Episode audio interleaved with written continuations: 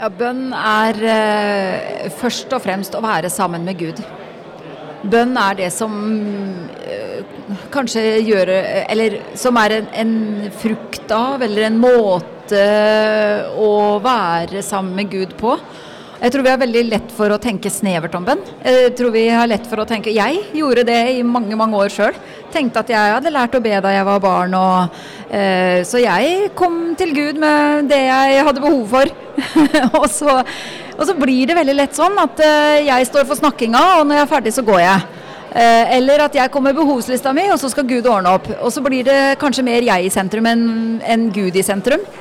Så at bønn også er, eller også kanskje enda mer, er bare å være sammen med Gud. Lytte, sitte litt på fanget, bare kjenne på han. Eller at han er med Altså, bønn er på en måte Kan være hele livet. Hele Fordi det er hele denne relasjonen. Kommunikasjonen med han som bor i meg. Eller ja, og veldig veldig mye mer som kan sies om det. Men, ja, men, men det betyr at altså, det jeg hører er at du sier at dette her er ikke en enveiskommunikasjon, men en eh, toveisrelasjon? da? I hvert fall, ja. Absolutt.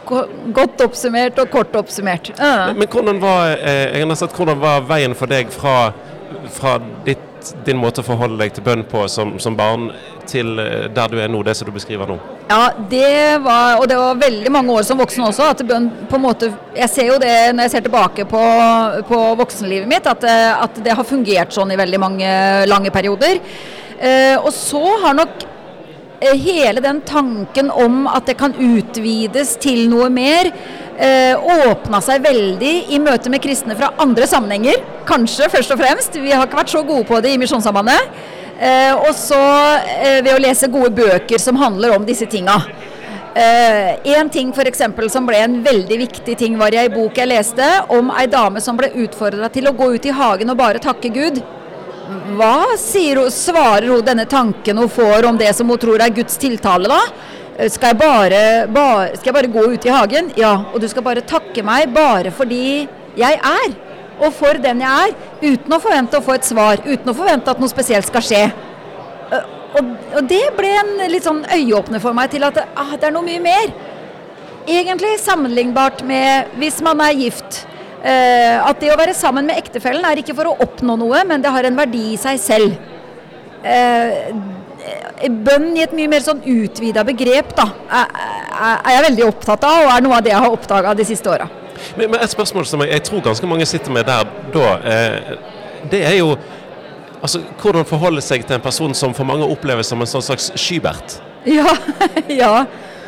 ja, det er jo veldig Altså, det å få en erfaring med Gud, få et møte med Gud, få en opplevelse av at det er sant alt det jeg kan om Han.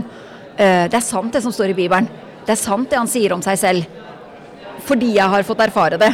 Og da blir han kanskje ikke så Skybert lenger når, når vi får eh, oppleve han og erfare han. Uh, I form av bønnesvar eller, eller en indre opplevelse som er bare en indre fred og glede som jeg ikke kunne produsere selv i bestemte situasjoner f.eks. Uh, det er en form for bønnesvar som, uh, som, har gitt meg veldig mye. Som har gjort noe med relasjonen til Gud, rett og slett. Og, og det har gjort noe med ditt engasjement for bønn òg, kanskje? Ja. Det, ja. I mange år så, så undra det meg at ikke vi ba mer. Når vi kjenner Han som har all makt, tror vi at Gud er den han sier at han er? Tror vi at vi kan få bønnesvar? Tror vi at det er han som skal sende arbeidere ut? Be høstens herre om å sende arbeidere ut? Ja, Hvis vi mangler folk, så må vi sette oss og be, da. Eller, eller tror vi at han, at han, kan mette 5000 av bare ei matpakke? Altså, Tar vi det bare som gode historier fra 2000 år siden, eller, eller tror vi det egentlig for våre liv? Og det, det, var ting som begynte å vokse litt i meg, og det forundra meg at vi kunne sitte sammen, kristne venner, kveld etter kveld. Eller altså ikke sånn at vi gjør det daglig, men, men altså at vi ofte er sammen.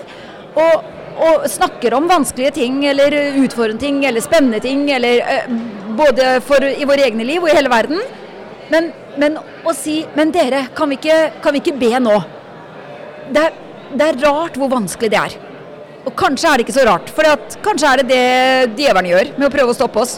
Han vil jo veldig gjerne at vi ikke skal be, for han vet at bønn er det som kan stoppe han. Mm. Ja, for du tror at, at uh, bønn kan ha en effekt òg inn ja. i en sånn vanskelig greie? Ja, Bønn gjør noe med den som ber, og bønn gjør noe med det man ber for. Uh, og bønn gjør en forskjell alltid.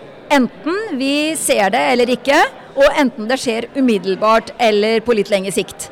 Uh, men jeg er helt overbevist om at ja, det gjør en forskjell. Alltid. Du, eh, avslutningsvis, Tove Strand Karlsen. Hvis en ikke er så vant til å be, Ja. men har lyst, Ja. hvor begynner en? Bare snakk ut i rommet og henvend deg til en du tenker at er der. Eh, er, er du her, Gud? Kan jeg få være litt sammen med deg? Eh, Gud, eh, kan, jeg, kan, kan du vise meg noe? Slå opp i Bibelen. Begynn å lese litt, og så kan du kanskje be det du leser. Uh, ja.